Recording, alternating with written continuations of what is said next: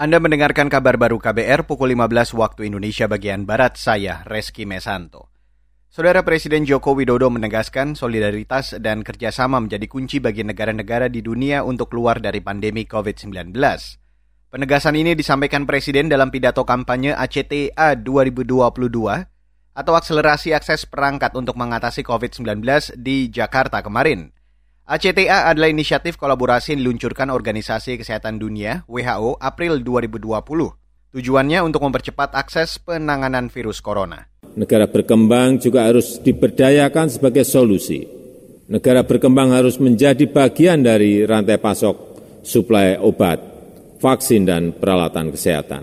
Untuk itu, kerjasama, riset, investasi, dan transfer teknologi mutlak dilakukan. Presiden Jokowi menyebut peran G20 sangat penting dalam membangun arsitektur kesehatan dunia termasuk dalam mendorong dukungan pembiayaan kesehatan bagi negara berkembang. Tahun ini Indonesia menerima mandat sebagai presidensi G20. Mandat ini dilaksanakan sejak 1 Desember 2021 hingga 30 November nanti. Direncanakan ada sekitar 157 pertemuan yang akan dilaksanakan selama presidensi. Sementara itu, Menko Kemaritiman dan Investasi Luhut Binsar Panjaitan akan meminta komitmen pendanaan dari negara-negara maju untuk mendukung percepatan transisi energi di negara-negara berkembang termasuk Indonesia. Pernyataan ini disampaikan Menko Luhut dalam agenda peluncuran transisi energi G20 hari ini. Saya akan meminta komitmen global atau global deal dari masing-masing G20 leaders untuk bersama-sama kita menyepakati langkah-langkah konkret dalam percepatan transisi energi. Uh, Bapak Menteri SDM ini agar diupayakan untuk seluruh elemen di G20 Indonesia 2020 agar mendukung penuh tercapainya kesepakatan percepatan transisi energi. Menurut Luhut, besaran komitmen pendanaan itu sekitar 100 miliar dolar Amerika per tahun atau setara 1,4 kuadriliun dari negara-negara maju untuk negara berkembang termasuk Indonesia. Luhut menjelaskan transisi energi memiliki posisi yang sangat penting dalam presidensi G20 Indonesia. Beralih ke ajang MotoGP 2022, Saudara.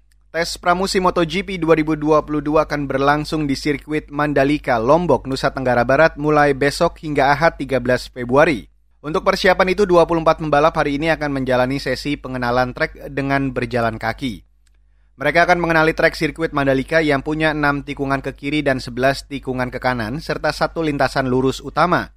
Sedangkan esok hari hingga Ahad nanti Para pembalap akan menjalani dua sesi tes pramusim per hari. Wakil Direktur Mandalika Grand Prix Association atau MGPA, Cahyadi Wanda mengatakan, jumlah penonton tes pramusim MotoGP Mandalika akan dibatasi. Hal itu untuk mencegah penyebaran COVID-19. Kata dia, penonton yang hadir umumnya hanya tamu undangan, jumlahnya kurang dari seribu orang. Dan saudara, demikian kabar baru, saya Reski Mesanto.